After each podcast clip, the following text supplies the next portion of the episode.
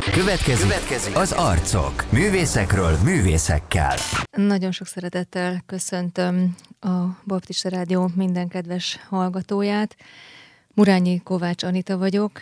A mai napon az Arcok című műsorban vendégem Illési Erika hegedű művésznő, a Budapesti Fesztivál zenekar tagja. Nagyon nagy szeretettel köszöntelek téged, Erika, itt a stúdióban. Örülök, hogy elfogadtad a meghívást. Én köszönöm. Nagyon jelentős része a te zenei életednek, pályádnak, munkádnak, hogy, hogy gyermekekkel, akár kisgyermekekkel is foglalkozol. Te milyen kisgyermek voltál? Köszönöm a kérdést. Felhúztam a szemöldököm. Um, Én nagyon aranyos kisgyereknek képzellek téged. Uh, azt hiszem, hogy egy hiperaktív vadóc kislányt tudsz elképzelni, aki a legmagasabb fa tetejéről integet anyukájának, meg a legmagasabb mászók a legfelső korlátjáról lóg uh-huh. fejjel lefelé fél lábbal, és az anyukája majdnem szívinfarktus kap, mert, mert nem tudja, hogy merjene hozzászólni, hogy ez veszélyes vagy nem. Én egy kimondottam életveszélyes kislány voltam, így, oh. ahogy így vissza, visszaemlékszem, és ahogy az, a szüleim ezt így visszaemlékeztették velem. és te magad mikor jöttél rá arra, hogy, hogy neked ilyen remekül jól működik az, hogy gyerekekkel teremtesz kapcsolatot? Most mondhatnék közhelyet, hogy, hogy én magam is gyerek vagyok, egy óriási gyerek, uh-huh. ami egyrészt igen nehéz, mert felnőtt üzemmódban kell létezni, de a legelső pillanat, amikor édesanyjává váltam, és ez, amikor megszületett a fiam, uh-huh. ő 97-ben született, és uh, emlékszem arra az érzésre, nagyon nehéz terhesség volt, uh-huh. veszélyeztetett és sok kalandal, de amikor megszületett a fiam, akkor az az élményem volt, hogy az addig életem pedig nagyon színes volt, és nagyon, nagyon gazdag, változatos, de az addig életem az fekete-fehér volt. És megjöttek a színek a fiam Aha. születésével, és mindennek elkezdtem látni a színét. Uh-huh. És a másik ilyen élményem, amikor a lányom született, hogy, hogy leány. Uh-huh. És hogy a, az én lányságom, a nőiességem, a nőségem valahogy a helyére érkezett, uh-huh. és vele együtt fogom tanulni. És ez a, ez a két esemény tulajdonképpen nagyon sokban meghatározta, hogy utána én a gyerekekhez hogyan kapcsolódtam, és mai napig is hogyan vagyok közöttük. Aha. Mit jelent számodra az, hogy, hogy gyerekek életébe bevezetheted a klasszikus zenének a szeretetét? Ugye most így konkrétan a kakaó koncertekről, vagy a, a zenevárról beszélgetünk. Nem ez a cél igazából, hanem uh-huh. ez a következménye uh-huh. annak a munkának, annak az életszemléletnek, és annak a mindennapos munkának, amit én csinálok. Uh-huh és, és a gyerekek azok, akik a leg akik először találkoznak a klasszikus zenével, uh-huh. akik a legkomolyabban visszajelzik ennek a, a hitelességét, ennek az erejét, ennek a, ennek a nyelvnek, ennek a különleges nyelvnek a, a nagyon-nagyon sok gazdagságát, és én rajtuk keresztül is tanulom, hogy az én szakmám mennyire gazdag és mennyire mm. értékes. És ez egy ilyen kölcsönhatás. Persze mondhatnád, hogy hiszen koncerttermekben játszunk, meg persze van ott is közönség, uh-huh. de egy másfajta módon jeleznek, sokkal direktebb módon jeleznek vissza a gyerekek, illetve nekem, mivel tanítottam is és remélem fogok is majd még tanítani hegedűt Aha. kicsiknek, vagy hát a, a zeneiskolai szinten, az az élmény, az, az kitörölhetetlen nekem, amikor először tanítasz meg egy gyermeknek valami újat, és uh-huh. először csodálkozik rá, és annál az én számomra nincs, nincs nagyobb ajándék. Én azt, azt az a visszajelzés, ahogy rácsodálkozik.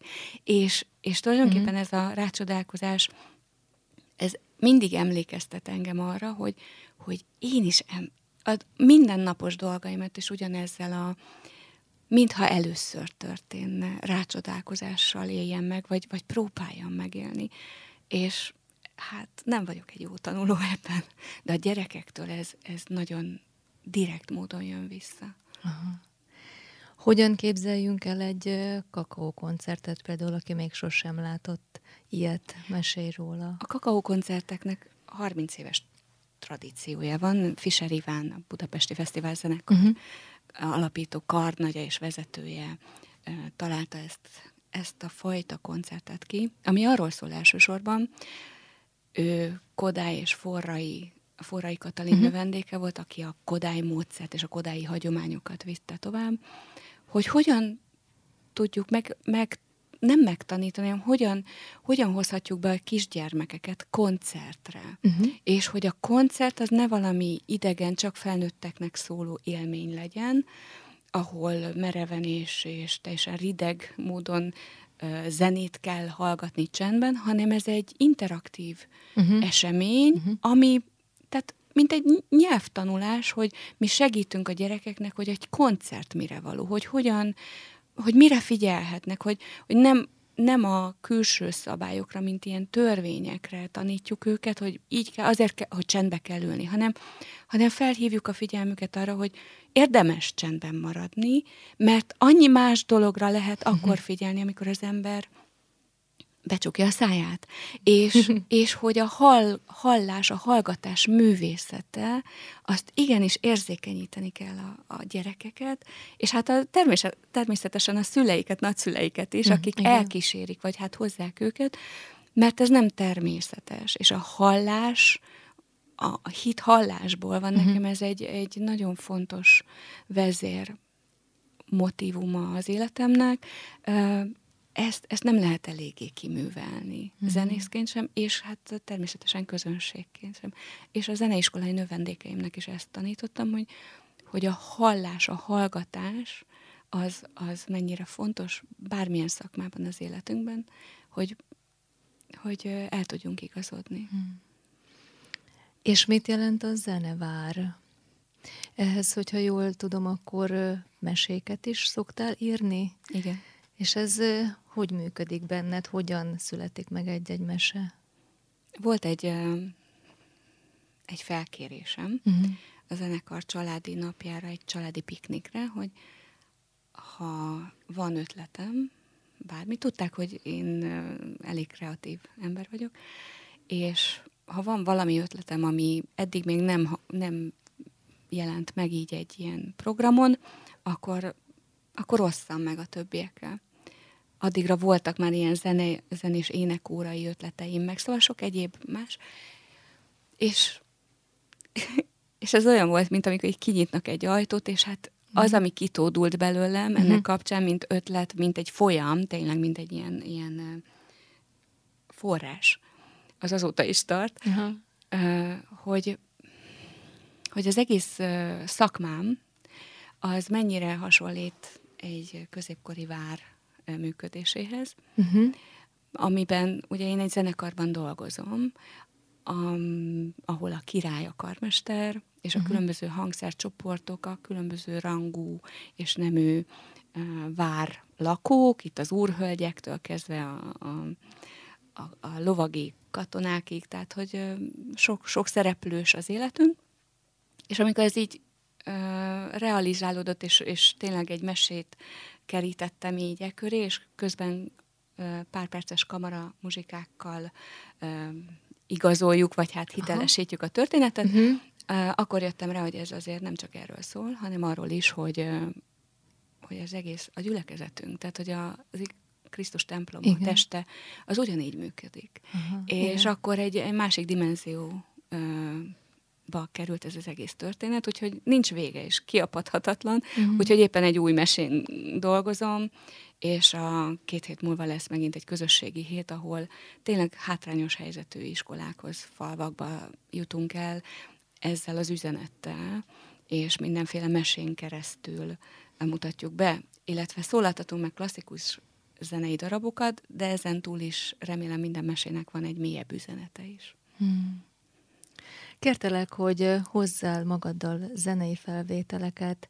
Elsőként mit hallgassunk meg? Elsőként felveszem a szemüvegem. Hoztam egy viszonylag régebbi felvételt. A Németországban élő Anda Géza és Fricsai Ferenc felvétele Bartók harmadik zongora versenyének második tételét választottam. Az, az a címe, hogy Adagio Religioso, vagyis vallásosan áhítattal ki mit, hogyan fordítja ezt. Uh-huh. Um, számomra ez egy nagyon fontos élmény volt tizen, bocsánat, 24 éves koromban, amikor először találkoztam Fricsai Ferenc nevével és Anda Géza nevével. Uh-huh. Um, és Bartók, Bartók, aki számomra olyan titkosan, de mégis szívbe markolóan tudja kifejezni és ötvözni a klasszikus kultúrát a saját életének a, és sorsának a, a történetével, természetesen a Bartóki nyelven, uh-huh. és, és ez a tétel az én számomra egy, ez a tétel az én számomra egy eszencia. Uh-huh. Úgyhogy azért, azért gondoltam, hogy ezt szívesen megosztanám. Akkor most hallgassunk ebbe bele.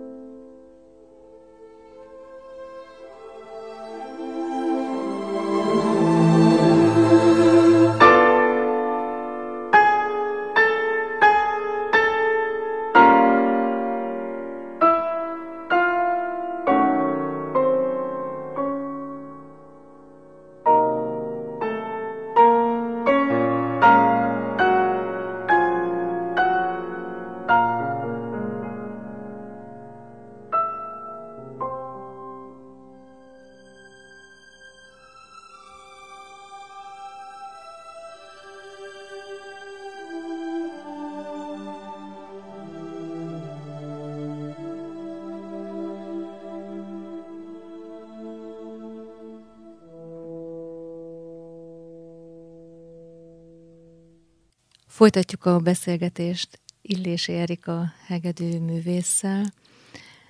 Az előző blogban arról beszélgettünk, hogy Erika, te hogyan vezetsz be gyerekeket a zenevilágába. De te, te hogyan találkoztál a zenével? Mikor érintett meg téged? A zenem. Igen. Miskolcra jártam középiskolába, és ott volt egy nagyszerű szolfézen elméletanárunk, uh-huh. aki azt mondta, hogy amikor énekelek, akkor olyan, mintha a szakajtó alól jöttem volna ki. Igazából annyira természetes volt a családunkban az, hogy, hogy énekelünk, hogy, uh-huh. hogy hangszeres zene nem nagyon volt, volt egy tangóharmonika, vagy volt uh, citerázat a nagybátyám, de alapvetően minden családi um, találkozó, ami, ami azért elég sűrűn volt. Édesanyámék hatan voltak testvérek, tehát ez nagyon összejárt a család, és sok unokatestvérem is van. Ott mindig énekeltek. Aha. Elsősorban nótáztak, meg ezek az érdekes műdalok, ahogy én utána tanultam, és a népzenék, népdalok. Édesanyám szeretett volna nóta énekes lenni. Nagyon szép hangja volt. Uh-huh. Úgyhogy ez így, így szerintem velem született ez a fajta érzék, uh-huh. és uh, én testnevelés tagozatos iskolába kerültem első osztályba, mert hiperaktív voltam. Uh-huh. És azt gondolta édesanyám, hogy a sport az, az egy jó levezetése az én veszélyes életemnek, és uh, oda jött abba az iskolába egy szolfés tanárnő, hogy be lehet iratkozni zeneiskolába, és hogyha bárkinek van kedve. És én hazamentem, nem tudom, valamilyen uh-huh. valamilyen hatás, hatás miatt, és mondtam, hogy már pedig én zeneiskolába szeretnék járni. És anyukám szívbajt kapott, mert ugye a sportiskola és a zeneiskola, uh-huh. a, nem csak a zeneiskola, hanem a zenei tagozatosság, az, az teljesen ellentétes volt egymással, illetve mind a kettő teljes embert igényelt. Uh-huh. De én én hajthatatlan voltam. És akkor ez fél év közepén volt valahogy, és elvittek a zeneiskolába, hogy akkor nézzék meg, hogy egyáltalán van-e érzékem hozzá. És kiderült, hogy, hogy nagyon komoly, tehát hogy nagyon komoly tehetségem van, zenei hallásom, ritmus, szóval ami, ami kell Igen. ehhez. És ráadásul, hogy hegedűs legyek, mert az, az ahhoz kellenek ezek a finom motorikus és az ilyen, uh-huh. ilyenfajta hallás és, és onnantól kezdve engem nem érdekelt a sport. Addig sem, mert én voltam a legkisebb az osztályban, és mindig olyan kis ügyetlen voltam. Tehát, hogy persze én másztam fel gyorsabban a kötélre, meg, meg Volt szóval minden benne ilyesmi. gyakorlatod. Igen, és szertornára szerettek volna így uh-huh. specializálni. Aha. És nagyszerűen ment a haskerep, és minden egyéb. De például a, a gerendától féltem, tehát Aha. azt nem szerettem. Attól, attól kimondottan féltem. De valahogy ez a zeneiskolai hívás, ez, ez utána onnantól kezdve megpecsételte az életemet, és soha többet nem volt kérdés, Aha. hogy én zenész leszek. A szónak abban az értelmében, hogy, hogy minden olyan akadálytalanul, tehát hogy a világ legtermészetesebb dolga volt, és a legelső hegedű tanárom már oper, akkor operaházi és, és rádióversenyes prospektusokkal uh-huh. traktált, még olvasni sem tudtam igazán. Uh-huh. Tehát, hogy, hogy annyira látták bennem, és ez, ezt az unokámon érzékelem, hogy uh-huh. hogyha valakiben van egy ilyenfajta zenei tehetség, az minden módon megmutatkozik. Uh-huh. Tehát azt nem, nem tudod véka alá rejteni. Tehát egyszerűen egyértelmű volt, hogy, hogy zenész, zenésznek kell lennem. Ez iskolaváltást jelent? Igen, azt is jelentett. Aha, iskolaváltást is. A hegedő konkrétan hogy került a kezedbe? A te választásod volt, vagy odaadták neked, hogy ezen fogsz Bevittek. játszani? Nem választottam. Aha. Mivel felmérték a képességeimet, ezért úgy döntöttek a Jászberényi Zeneiskolában, és azt kell mondjam, nagyon bölcsen. Én egy pici lány voltam, tehát én nagyon törékeny uh-huh. testalkatú, később lettem normális méretű, tehát amilyen most vagyok, és és bevittek ehhez a Szabó Jánosnak hívták a hegedű tanárurat, egy nagyon idős ember volt, és az első órára is emlékszem, hogy miket mondott, hogy miket kellett csinálni. Tehát annyira meghatározó, és annyira magától értetődő volt, hogy hegedű. Ezt később értettem meg, amikor zeneterápiával foglalkoztam, és egy kicsit tanultam Konta Ildikónál, uh-huh. hogy, hogy a hegedű és egyetlen a vonós hangszerek választása az a szív az, az a szívhez közeli dolog. Más, másfajta ember, aki és, és ez nem minősítés, hanem teljesen Értem. másfajta beállítottságú, mm. aki mondjuk fafúvos hangszert, vagy aki részfúvos hangszert választ. És hogy a, a vonós hangszereknek kimondottan a szív és a, az érzelmekhez és az érzésekhez nagyon-nagyon sok köze van az emberi hozzáállás részéről. Tehát így ez, én egyetértek mai napig is ezzel, hogy a hegedű és én brácsázni is szoktam, tehát a brácsa az Aha. egy picit nagyobb, és az még jobban megzengeti a csontokon keresztül, így a szívig nagyon eljut. és milyen viszonyod volt a gyakorlással? A gyakorlás gyerekként természetesen az egy ilyen mumus. Igen.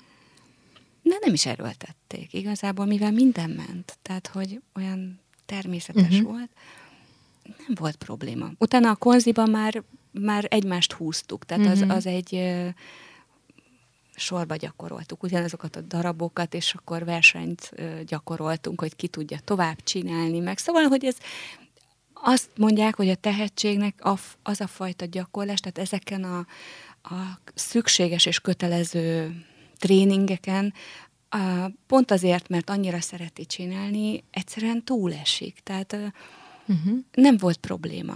Tehát nem, sose volt kérdés, hogy, hogy gyakorolni kell ahhoz, mert hiszen annyira szerettem volna megtanulni azt, amit éppen kellett. Természetesen a skálákat, vagy az oktávmeneteket, a decimáról nem is beszélve, ezeket utáltam. De mivel ment, tehát hogy uh-huh. úgy mondom, hogy nagyon-nagyon kevés dolog volt, ami akadályozott volt uh-huh. az én, hál' Istennek, hát valahogy így a, a kezemmel, meg így a fejembe. Ezért én hálával tudok visszagondolni, hogy ezek az időszakok egyetlen létrejöhettek, volt annyi órám, volt annyi időm, és a konziban tényleg az öm, adtak helyet és, és időt is arra eleget, hogy uh-huh. az mhm. ember tudjon gyakorolni és tanulni, valahogy így ez egy-egy ensúlyba kerüljön. Uh-huh. És a színpadi lét is természetes volt számodra? Szerettél egyből ott lenni? Egészen sokáig igen. Aha. Tehát ez, ez fel sem merült. Nem voltam izgulós, vagy nem emlékszem rá, hogy nagyon izgultam volna. Olyan természetes druk persze volt. Ez aztán nagyon megváltozott a, a második gyermekem születése után. Ennek voltak ilyen hormonális okai is, meg, meg hát az, meg a teherrész, vagy hogy mondjam, tehát onnantól kezdve nem volt minden már olyan természetes, nem tudtam olyan módon annyit gyakorolni, vagy úgy felkészülni, mint előtte, és akkor a, mondjuk a szóló koncertezés, vagy az nagyobb feszültséget okozott, és ezt kevésbé szívesen vállalom mai napig is. Uh-huh. Illetve közege válogatja, de mondjuk régebben azért versenyeken indultam, meg sikeres voltam, de utána nekem ezt a család, vagy a saját uh, idő hiányom miatt ezt uh, jelentősen háttérbe kellett szorítani. Hallgassunk meg most még egy felvételt. Melyik legyen az? Ha ennyit beszéltünk a hegedülésről, uh-huh. um, Leonidas Kavakosznak van egy Juja Vangal való Brahms uh, szonáta lemeze, és nagyon szeretem Brahmsot, és a Brahms Témol szonátának a harmadik tételét bocsánat, negyedik tételét uh-huh. választanám, a gyors tételen. Azért is, mert uh, egyrészt Kavakosz nekem egy elképesztő példakép, uh-huh. rendszeresen dolgozunk vele. Uh-huh. Juja Vangot is volt szerencsénk uh-huh. szólistaként kísérni, de hogy ez a tétel, meg az egész Brahmsi uh, zene az én számomra az a, hogyan, hogyan lehet a, a határok között a végsőkig elmenni. Tehát, hogy hogy lehet úgy zenét írni, hogy az addigi klasszikus keretet, ami elég, elég uh, szigorú, csak gondoljunk Haydn, Mozart, Beethovenre, azt, azt a végtelenségig feszítjük belülről, de nem rúgjuk föl. Uh-huh és hogy időnként az ember nem tudja, hogy hol van az egy, hol van a, az ütemmutató. Tehát minden megszűnik, olyan, mint amikor egy, egy háznak már csak a külső fala létezik, de belül teljesen újjá, újjáépítik, teljesen másfajta szabályok szerint, és ez nekem ez egy, és közben végtelenül sok emóció van benne. Mm-hmm. Tehát mhm. nem lesz ö, mérnöki, nem lesz nagyon száraz és papírszerű, vagy matematika-szerű az egész, hanem, hanem végtelen sok szenvedély van benne. És az én számomra az élete is nagy, nagy ö, példa ilyen szempontból. Úgyhogy ezért választottam ezt a darabot. Hallgassunk most Brahmsot.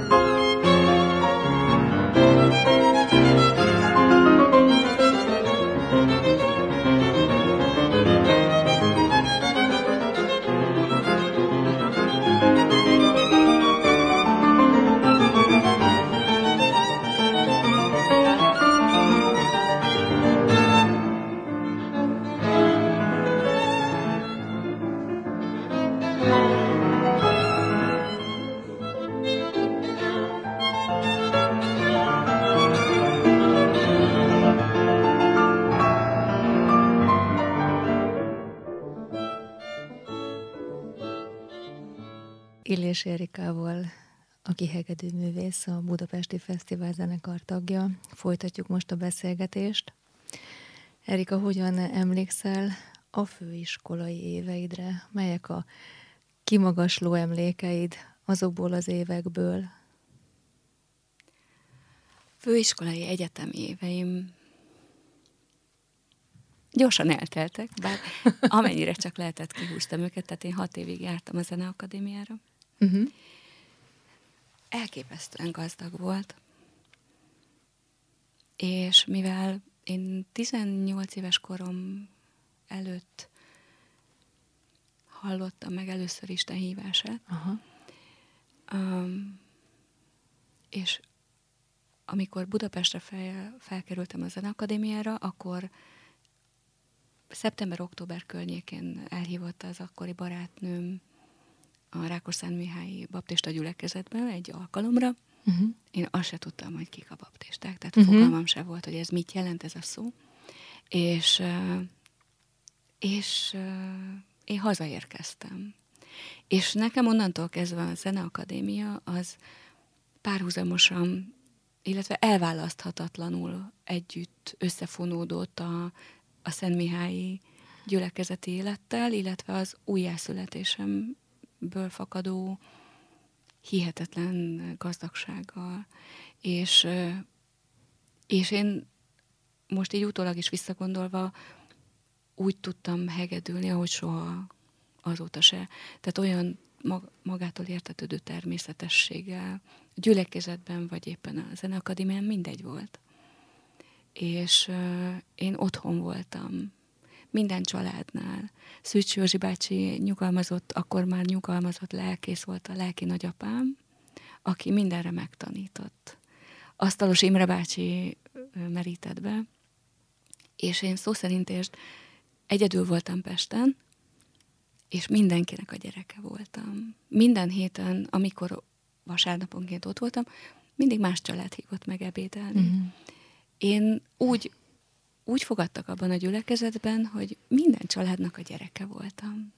Rengetegféle családmodellt és család, embereket és hívő embereket ismertem meg. Elképesztően gazdag volt az életem.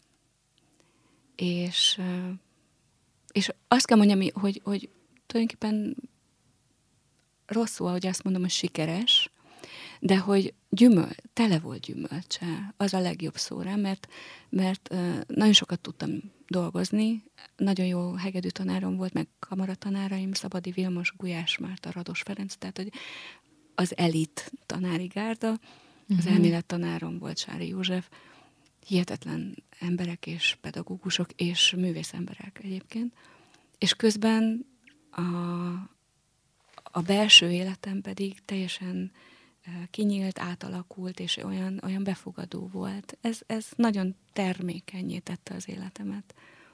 Ugye azért is maradtam ott hat évig, mert nagyon sikeres volt a szakmai életem is. Elég sok tulajdonképpen itthon minden versenyt megnyertem, és uh-huh. akkor oda, oda került, hogy tulajdonképpen mehetnék akkor nemzetközi uh-huh. karrierre. És akkor én férhez mentem, uh-huh. És az, az ott egy kicsit a mindennapi élet tulajdonképpen így le, le lohasztotta ezt a fajta uh-huh. idillikus, tulajdonképpen Igen. ilyen paradicsomi állapot. És azt hiszem, hogy ez a legjobb szóra, hogy a, az egyetemi éveim a paradicsomi állapothoz hasonlóak. Uh-huh. És közben pedig a hitéleted is... Ben... Én tanultam, én beültem a kicsi gyerekeknek a biblia órájára, uh-huh. Mert én semmit, azt se tudtam, hogy a Biblia létezett a világon. Uh-huh. Persze uh-huh. irodalomórán igen tanultuk, de, de én semmiről nem tudtam és ott a kicsikkel együtt így szépen, fokozatosan, hónapról hónapra megtanultam, uh-huh. hogy milyen könyvekből áll a Biblia, uh-huh. kik voltak a kedvenc gyermekszereplők, és stb. stb. És akkor így épült a, a, a hitbeli uh-huh. tudásom is, és a végén tényleg ilyen ifjúsági vezetőként is, meg így nagyon-nagyon jó, jó csapatunk volt. Uh-huh. Uh-huh. Tulajdonképpen mai napig, ha találkozunk azokkal, a fi- akkor fiatalokkal, nagyon örülünk egymásnak, és nagyon szeret, szeretjük és szerettük egymást. Tényleg. Hogyan indult el a művészpályád? És mikor? A művészpálya az zenészeknél nem tudom. Tehát mivel mindig természetes volt, hogy ez ilyen jól megy, az életem első turnéja az 15 éves koromban volt. Aha. Tehát én azt mondtam a zeneiskolában is, amikor a gyerekeket tanítok, hogy mindenkit egy alapszinten, például hegedülni három plusz egy év alatt meg lehet tanítani, hogy Vivaldit, hogy a harmadik fekvésig, negyedik fekvésig, tehát hogy olyan darabokat, barok darabokat, korai klasszikusokat bárki, de tényleg bárki el tudna játszani, csak úgy a saját keftelésére. Na most 6-7 évi hegedű tanulás után ez már úgy nem volt kérdés. Tehát ott, ott már egy másik minőség, hogyha valaki tényleg ebben nagyon jó, uh-huh. akkor és akkor én benne voltam a Jászberényi kamarazenekarban, és akkor ott mentünk turnéra, meg uh-huh. rengeteg koncert volt, és mellette már akkor konzit végeztem. De Igen. ott a konziba kerülés az már predestinált arra, hogy, hogy biztos, hogy ezen a pályán leszek. Tehát, hogy Igen. Uh-huh. nekünk a pályaválasztás ilyen értelemben nagyon korán eldőlt. Uh-huh. A gyerekeim mindig mondták, hogy könnyű neked anya, mert, mert te, neked ez nem volt kérdés, vagy hogy uh-huh. nagyon, tényleg 14 évesen ez, ez már eldőlt. Igen mert hogy nekik sokszor 20 éves korukban is, még a lányom is 21, hát ez még egy erős keresés. És mm. akkor én mondtam, hogy persze, könnyű, ez a része. Mm. Aztán jön más, mert mert utána most azért gondolkozom így 50 évesen, hogy, hogy mi mást is tanulhattam volna még pluszban, mm. de hát az élet azt mondják egy örök tanulás, úgyhogy Igen. igazából uh, nyitva áll előttem a, mm-hmm. a lehetőség. És amikor már elvégezted a zeneakadémiát, és úgymond már lehet mondani, befejezted a tanulmányaidat, amely tudjuk, hogy életünk végéig tart, akkor úgy hivatalosan hogyan indult el a művészi életed? Ez nagyon nehezen alakul ki. Tehát nem lehet azt mondani, hogy akkor ott egy csapásra állást kap az ember, vagy mm-hmm. és hát főleg ilyen kezdőművészként sok koncert van, ösztöndíjakat nyertem, akkor azokból el voltam egy kicsit, tehát uh-huh. hogy akkor készültem a következő koncertre, és az az igazság, hogy én éppen egy versenyre készültem, amikor kiderült, hogy a fiam a pocakomban már uh-huh. Készülődik, és, uh-huh. és akkor ez egy nagy dilemma volt, uh-huh. hogy én tényleg egy célegyenesbe voltam, hogy itt egy komoly versenyen induljak. Az lett volna a következő karrieri állomás, és például nyertem Spanyolországban egy európai tehetséges uh, diákoknak szóló ösztöndíjat, tehát hogy így ment volna akkor igen, a, a, igen. Diák, a vándorévek kezdődtek volna. Zenészként azért ez így van. Uh, ehelyett, ehelyett inkább akkor az volt, hogy én nem utazhatok, mert, uh, mert tényleg veszélyeztetett volt a terhesség, és uh, és akkor onnantól kezdve pedig, hogy majd kitaláljuk, hogy mondjuk áprilisban született a film, és akkor a szeptemberi versenyre hogy tudok mégis elindulni, és akkor az májustól szeptemberig nagyon erősen az rajzolódott ki, hogy sehogy. Mm. Mert uh, ahhoz egy teljesen másfajta családi modell kellett volna, Igen. Ami, amit uh, én így nem tudtam biztosítani. Mm. Uh-huh. Úgyhogy arról le kellett mondani. Uh-huh. Viszont nem hagytam abba a gyakorlást, tehát hogy ez így, ez így megmaradt, mint passzió, meg egy ilyen, uh-huh. egy ilyen furcsa, nem voltak koncertek, uh-huh. és én mégis gyakoroltam, tehát ez egy ilyen érdekes állapot volt. Uh-huh. És ahogy, ahogy így nőtt a film egy kicsit, akkor, akkor így megkerestek innen-onnan, hogy akkor akkor próbál, próbálgathattam uh-huh. magam, hogy most akkor kvártettezem, vagy triózom, vagy zenekarba éppen egy koncertmesternek menjek.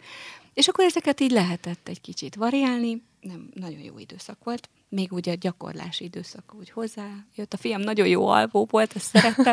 Úgyhogy én nagyon sokat tudtam akkor is úgy gyakorolni. Főleg otthon voltam, és és utána szépen így, így ment is volna az élet amikor egy másik családi tragédiánk volt, hogy összedőlt a házunk, és, és hogy az, amit úgy egy művész élet megkívánna, vagy megkövetelne, hogy egy stabil alap legyen, egy stabil otthon, uh-huh. tulajdonképpen így állandóan ilyen tűzoltásban voltunk. Uh-huh. Uh-huh. Hogy, hogy éppen hol lakjunk, hogy éppen miből éljünk. Tehát, hogy egy ilyen egzisztenciális alap, uh-huh. alap kérdések, amik, amikben nem fért bele az, hogy, hogy a művész lét, tulajdonképpen ez a fajta kreatív és alkotó munka a mindennapi szükségen túl uh, valahogy kiteljesedjen. Uh-huh. Erre viszont később volt lehetőségem, uh-huh. amikor már a lányom megszületett, uh-huh.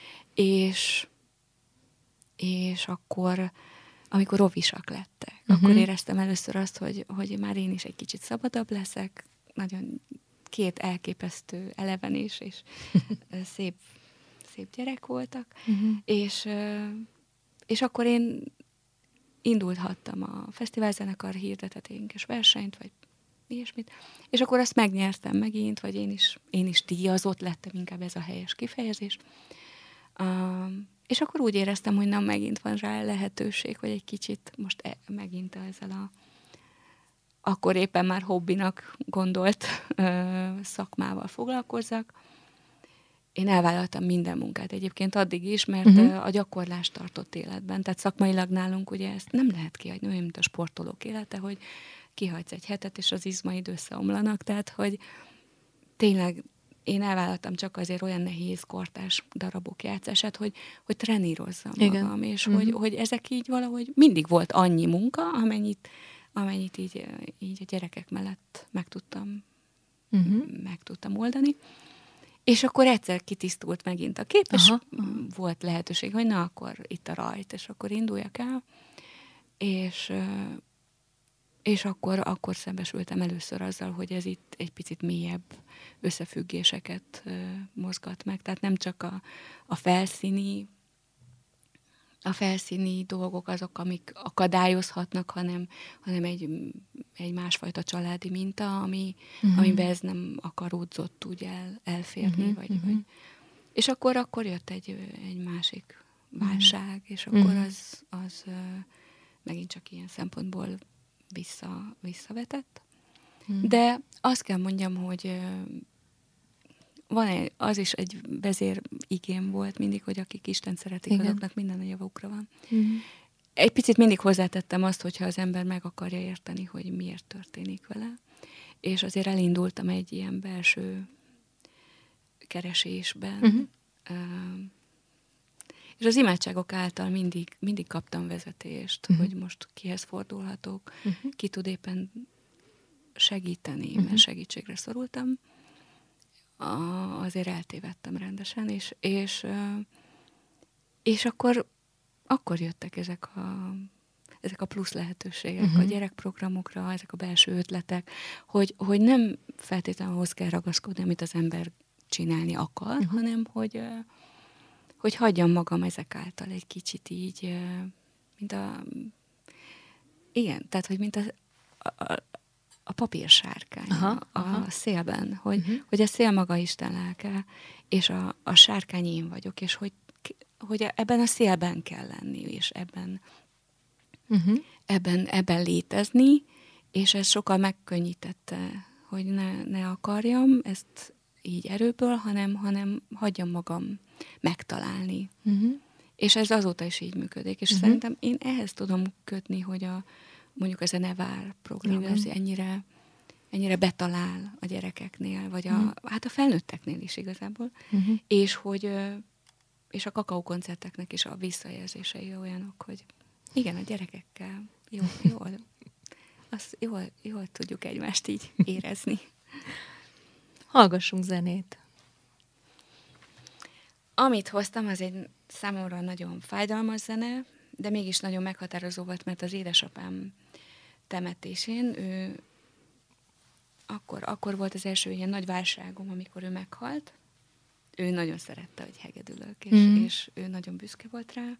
Mm-hmm. És a temetésére beraktuk ezt a zenét, Mahler 5. szimfóniájának mm. az Adagietto tétele, amin ráadásul a fesztivál zenekarban én is játszom, tehát uh-huh. a Fischer Iván vezényli, uh-huh. az, az az elképesztő benne. Egyrészt, hogy édesapámra emlékeztet mindig, másrészt pedig, hogy hogy lehet Mahler, Mahler életébe belegondolva a legnehezebb időszakokat is, és a legnehezebb sorsokat is szeretetté gyúrni és hogy, hogy ez az adagyató, ez, ez a tele szeretettel, de, de nem azzal a, hogy mondják, ez ilyen naív szeretettel, hanem a, az a mégis, a gyökösi féle mégis szeretette. Uh-huh. És egyszerre benne van ez a mély fájdalom, a megéltség, benne van a, a az elfogadás. Azt hiszem ez a legjobb. És nekem ez a zene mindig egy kicsit erről is szól. Szükségünk van erre, hallgassuk meg. thank you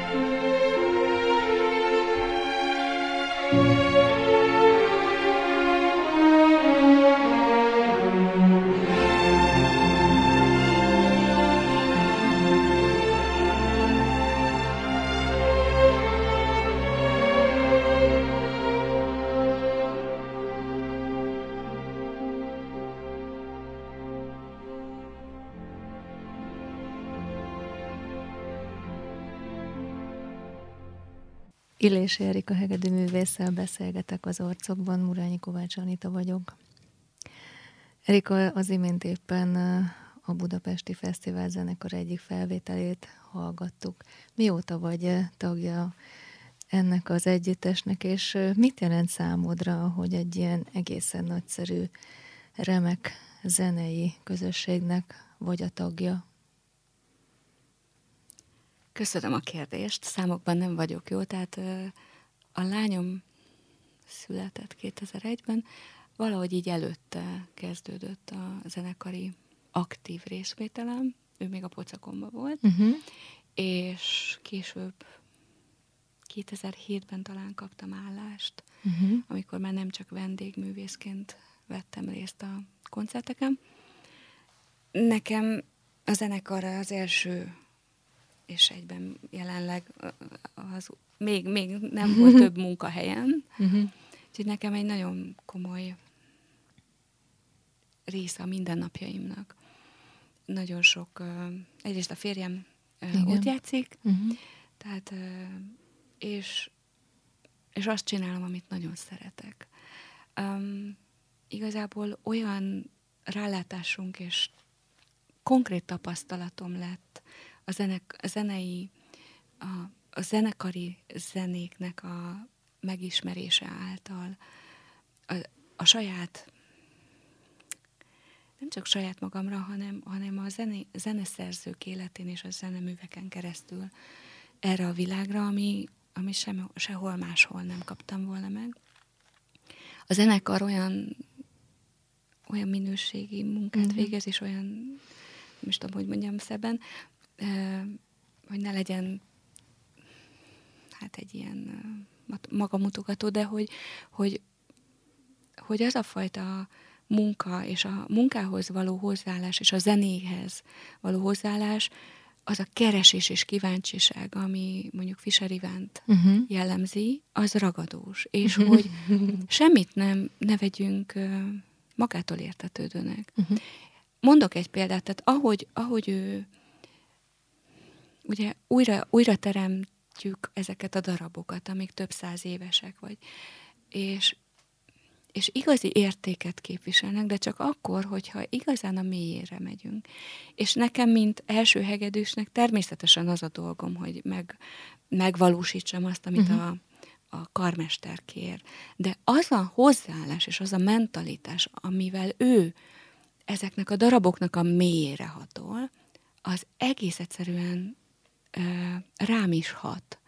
És mondok egy példát, hogy, hogy nem tudom úgy olvasni a, a Bibliát, az igeverseket, uh-huh. hogy ne azt gondolnám, hogy itt ugyanaz a dolgom, hogy, hogy nem egyszerűen a szavaknak a, az alapismeretét, vagy az alap dolgait, hanem hogy, hogy élővé tenni. Mit jelent? Hogyan, hogyan, hogyan tudjuk szétbontani, szét ízekre szedni ugye ezeket a, a darabokat, a zenedarabokat, és hogy újra építeni, és, és azért ö, ugye nagyon komoly időszelekció mentek át ezek a művek, de hogy, hogy nem véletlenül ezek a darabok maradtak fönt, mert olyan egyetemes uh-huh. igazságokat és egyetemes törvényszerűségeket és emberi történeteket, és nem csak emberiekről van szó, hanem a szellem, szellemi dolgokról van szó, ami, amit sehogy máshogy nem lehet Mm. És ez egy őrült felelősség, mm-hmm. és egy nagyon nagy fegyelmezettséget igényel. És mindezt, mindezt megtanuljuk, vagy megtanulom, és, és gyakorlom a mindennapi életben. És, és egyébként én, amikor rájöttem arra, hogy a hegedülés, vagy egyetlen zenésznek lenni, az, az a leg, legszebb hívőség, uh-huh. mert, mert ugye nem kapcsolod ki magad, hanem egész minden nap kell gyakorolni. Nem mondhatod azt, hogy, hogy már egy hetet csináltam. Anyukám, amikor lediptomáztam, utána megkérdezte, hogy de hát kislányom, miért kell még ennyit gyakorolni, hiszen megtanultad már. Mm. Tehát, hogy ez a soha véget nem érő Igen. folyamat, ami a, a, a saját Istennel való kapcsolatunknak is ez kellene, hogy legyen a, a vezérfonala, hogy ez nem ér véget, csak ha Isten meghív minket a, az utolsó napra, és, uh-huh. és, és, e, és me, meghív odátra, és uh-huh. hogy ez eddig egy iskola, eddig ez egy, ez egy lehetőség arra, hogy még változhatunk, hogy még van, van olyan, ami, ami bennünk, bennem nincs készen. Mm. És hálát adok azért, hogy még van rá időm, hogy, hogy ezen mm. tudjak dolgozni. Nekem ez a kettő elképesztően összeér, uh-huh. a saját munkám és a hit, és végtelenül hálás vagyok ezért. Nagyon jó ezt hallgatni, mert tulajdonképpen választ kaptam arra a kérdésre, hogy hogyan gondolkodsz a művészetnek és a missziónak a kapcsolatáról, és arra is, hogy hogyan érzékeled Isten vezetését az életedben, a művészi pályádon. Egyébként az eddigi beszélgetésünkben ez nagyon sok helyen már megjelent. A, a Budapesti Fesztivál zenekar köztudottan nagyon-nagyon sokat van külföldön, sokat vagytok távol, te hogyan éled meg a turnézás világát? Hát volt most ez a Covid időszak, és nem utazhattunk. Uh-huh. És hozzáteszem, hogy én nem bántam, mert a lányom szerint én egy nagyon otthon ülő típus vagyok. Aha.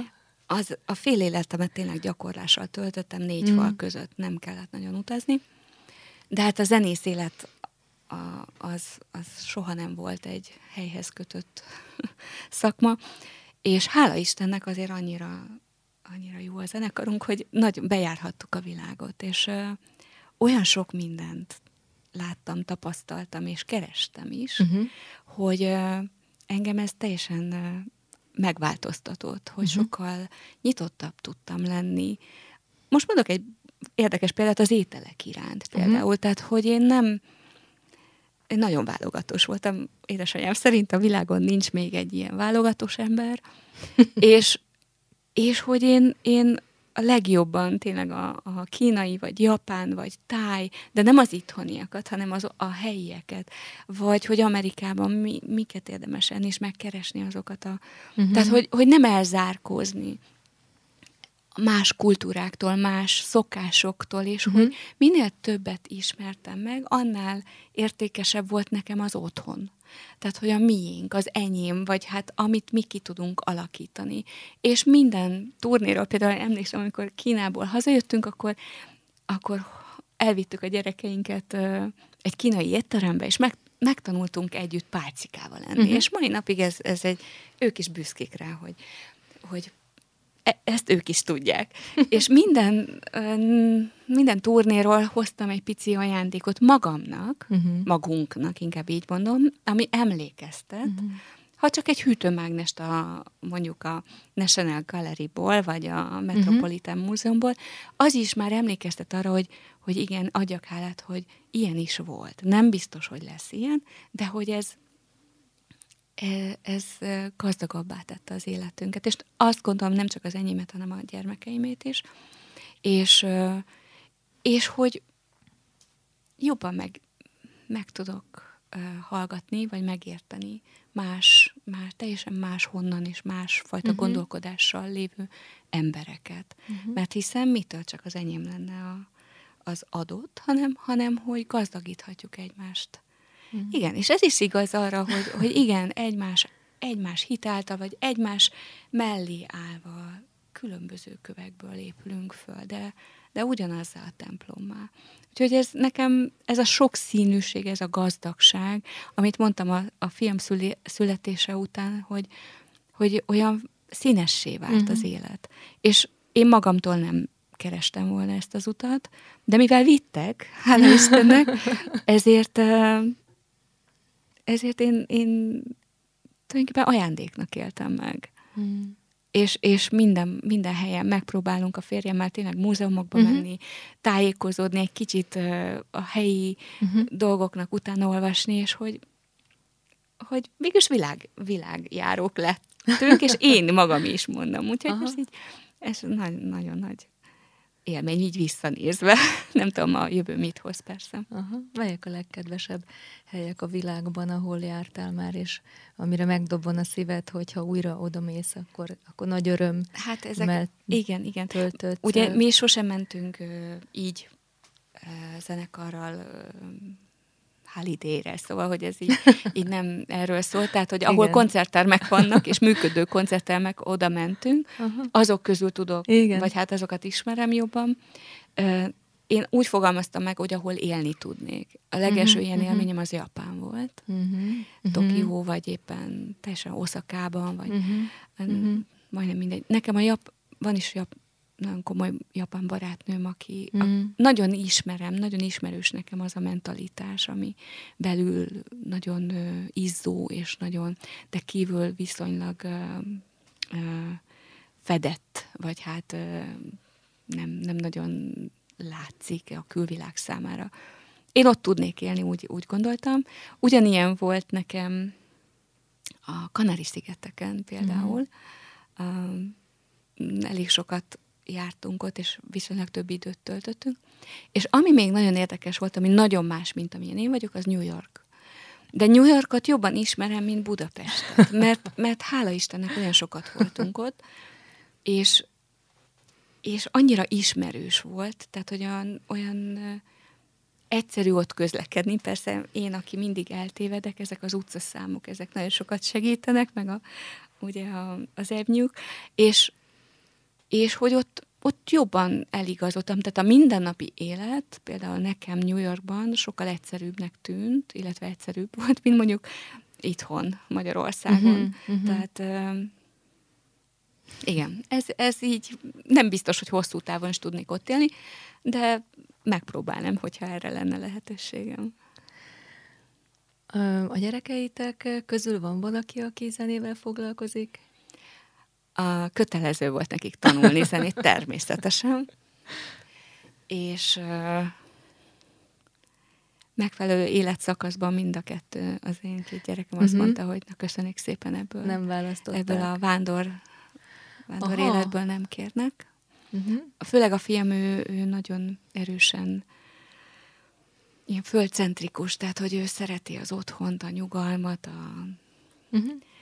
Azt a fajta, hát mert elmegyünk nyaralni, az jó, de egyébként minden, ami otthon olyan stabil, ő ilyenfajta. A lányom, ő rengeteget utazik, de zenészként nem akarta ezt az életet. Mert pontosan azt a azt a küzdelmet azért nagyon erősen átélte, ami a nő anyaságból és a, a művésznői kettősségből fakadt, Aha. hogy mindig az ember egy kicsit belehal, amikor el kell utazni, és senki nem csinálja meg helyette a munkát, amikor hazaér, és, és hogy ez akkor, akkor könnyebb volt már, amikor a, a, őket is vihettem turnéra, tehát Aha. volt egy ilyen lehetőség az igazgatóság részéről, aznek, az volt a legszebb időszak, tehát azt nagyon szerettük, és akkor beleláttak nagyon alaposan, hogy mivel jár egy utazó művésznő élete, és, és ezt nem. Tehát, hogy így... Aha, nem választották, de te magad gondoltál rá korábban, hogy esetleg valamelyik gyermek is zenészpályára megy? És te... Elképesztő tehetségesek Aha. voltak zenei irányba is, mind a ketten. A fiam hegedülni tanult, Aha és természetesen, mivel zenés családból jönnek, tehát az édesapjuk révén elképesztő géneket örököltek, és nem, egy csomó minden nem volt kérdés. Tehát, hogy egy olyan szakmát örököltetni a gyerekekkel, a, vagy átadni nekik sokkal könnyebbnek tűnt az az út, uh-huh. mert az már egy bejáratot, úgy nem kell újakat kitaposni. Tehát a több generációs uh, tradíciók azért nem véletlenül vannak, de és a fiamnak például olyan, olyan ízületei vannak, hogy mint a gumi, tehát hogy a hegedűn olyan úgy állt, hogy hihetetlen volt, és mint hogyha oda teremtették volna. Mm. De ő azt a, tehát itt, itt van az, hogy nem, azért nem erőltettem, mert pont ez a gyakorlás, amit az elején kérdeztem, hogy nem lentült át. Tehát őt nem szippantotta be ez a világ mm. olyan mód, és akkor úgy úgy kellett engedni. Mm. És mai napig kezébe veszi a gitárját, és, és aranyosan, és nagyon jó füle van, és és nagyon meg tudja különböztetni a jó és a rossz zenét, mm-hmm. úgyhogy en, ennek örültem. A lányom pedig elképesztő oboista lett volna, mm-hmm. tehát döbben, én olyat még nem hallottam. Szebben fújt otthon, mint a, mint a legtöbb kész oboista, bocsánat, hogy ezt tudom mondani, mm-hmm. szebb hangon. Tehát, mm-hmm. De oboistának lenni, az, ez egy nagyon kemény munka, sokkal keményebb, mint hegedülni. És ő nem. Tehát, hogy ezt így nem, nem akarta. És te ezt így elfogadtad? Abszolút. Mindketten férjeddel együtt a Budaörsi gyülekezet tagjai vagytok. Hogyan kerültetek ebbe a gyülekezetbe? Mondhatnám azt, hogy ez a Budaörsi Baptista gyülekezet van hozzánk legközelebb. Uh-huh. Egyrészt ez szempont volt. Igen, tényleg. persze. Másrészt pedig Hát ez, ez egy nehéz történet, de annyi, annyi tartozik ide, hogy uh-huh. én amikor um, férhez mentem, akkor nem baptista gyülekezetbe kerültem. Uh-huh. Uh-huh. És amikor elváltunk, a következő vasárnap én elmentem a Budaörsi Baptista gyülekezetbe, uh-huh. Uh-huh. és tudtam, hogy én ide tartozom. Uh-huh.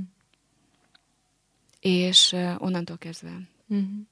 És a, a férjem, a második férjem pedig uh, ott merítkezett be mm-hmm. ezután, mm-hmm.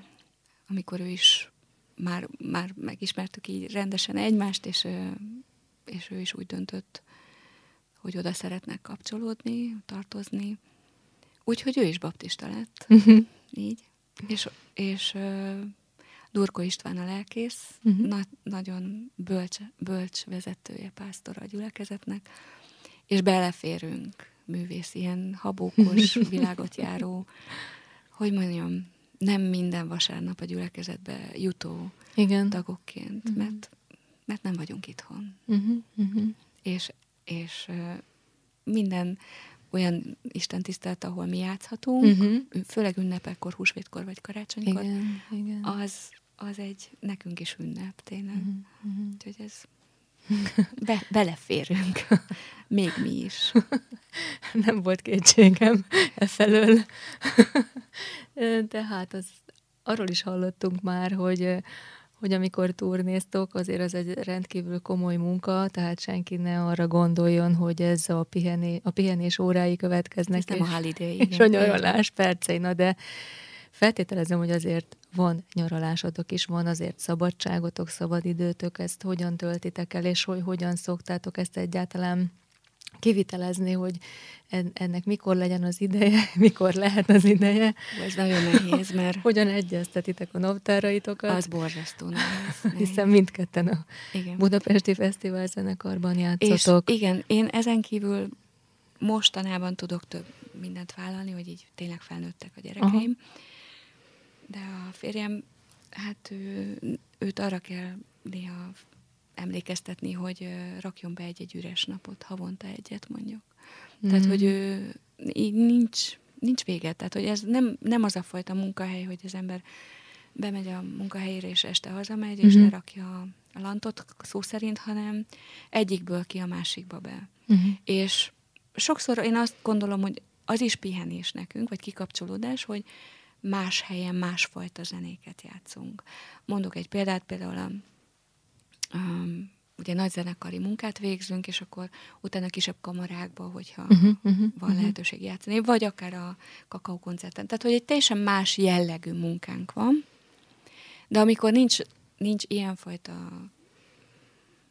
külső munka, akkor gyakorolnunk kell. Tehát, hogy nekem nagyon-nagyon kevés az olyan napom, amikor valami egész mással is foglalkozhatok, és azokat nagyon meg kell becsülni. De hozzáteszem, hogy az most már tradíció, hogy, hogy akár a gyerekekkel, most tavaly először volt olyan, hogy ketten is eljutottunk általában fürdőhelyeket, azt nagyon szeretünk, szeretjük. Egyrészt szakmai ártalom, hogy a gyógyvizek azok, azok segítenek regenerálódni. Másrészt meg ott, ott tényleg akkor így az ember a kiüre, kiüresíti a saját fejét, hogy egy picit új hatásokra uh, legyen, legyen hely. Hmm. Így évadokat tervezünk, ugye nekünk is úgy vannak, mint a tanév, úgy vannak a munkáink, úgyhogy a július alapvetően szabadabb szokott lenni, és akkor így a júliusi idő az, amikor nekem úgyis születésnapom is van olyankor, és akkor a, a köré mindig tudunk valami kis mm. pihenést beiktatni. De hozzáteszem, a legnagyobb pihenésünk nekünk a kert. Aha. Tehát ezt tanultuk is, hogy azért a kertészkedés és a, ez a fajta materiális, fizikai munka, ami azért mégis valamiféle gyümölcső termő, mm. szó szerint fákkal vagyunk tele, kapunk is vissza belőle, tehát az, az nekünk mind a kettőnknek egy nagyon nagy kikapcsolódás és szenvedélyünk. Úgyhogy nyáron nekünk nagyon szép a kertünk, mm. és én például főzni nagyon szeretek ilyen hobbi szinten, uh-huh. úgyhogy ezek, ezek így a mindennapokban is pihentetnek. Mm. Hát Erika, nagyon köszönöm, hogy hogy a vendégem voltál ebben a műsorban, de mielőtt elköszönünk, megkérdezem, hogy milyen felvételt hoztál még nekünk. Igen. Többször említettem, vagy így szó volt róla, hogy a zenészség és a, a hit mennyire összekapcsolódik, uh-huh. a mindennapi gyakorlás, és, és hogy a, a, az imádság, és hogy hát még ha emlékeztek, a Fekete Énekes könyv, ugye? És akkor uh-huh. most már mi, mi, azért nálunk is teljesen más vetítőről mennek az mhm. énekek. Uh-huh. És a abban, Fekete Énekes könyv. Igen, én uh-huh. egy időben mindig, mindig a saját egy, volt egy ének, hogy ki Istenének átad mindent, uh-huh. bizalmát csak beléveti, azt áldja őrzítlent. Inségbajban is éltetés. Én mindig ezzel játszottam be, tehát ez volt az alap, az első, amit mindig eljátszottam. És talán ennek kapcsán ö, így zárásképpen van a Six együttes, egy akapella együttes. Ők is hívő emberek, és ö, a Brothers című albumokról a Jesus Makes Me Happy című dalt, ami nem a szenzációról, hanem a, az imádság mindennapi szükségéről és a párbeszédről, uh-huh. Krisztussal, erről szól. Ez az egyetlen, ami, ami éltet tulajdonképpen, és ami értelmet ad, uh-huh. és értelmet tud adni a napoknak, uh-huh. mint a gyakorlás. Köszönöm szépen, meg fogjuk hallgatni, de előtte elköszönök Illési Erikától. Köszönöm szépen, hogy eljöttél. És a kollégám Boros Viktor, aki műsorszerkesztő és vezető hangtechnikus, és sok szeretettel üdvözli a kedves hallgatóinkat. Én Murányi Kovács Anita vagyok. Köszönöm szépen, hogy velünk voltak, és máskor is várom ide önöket viszont hallásra.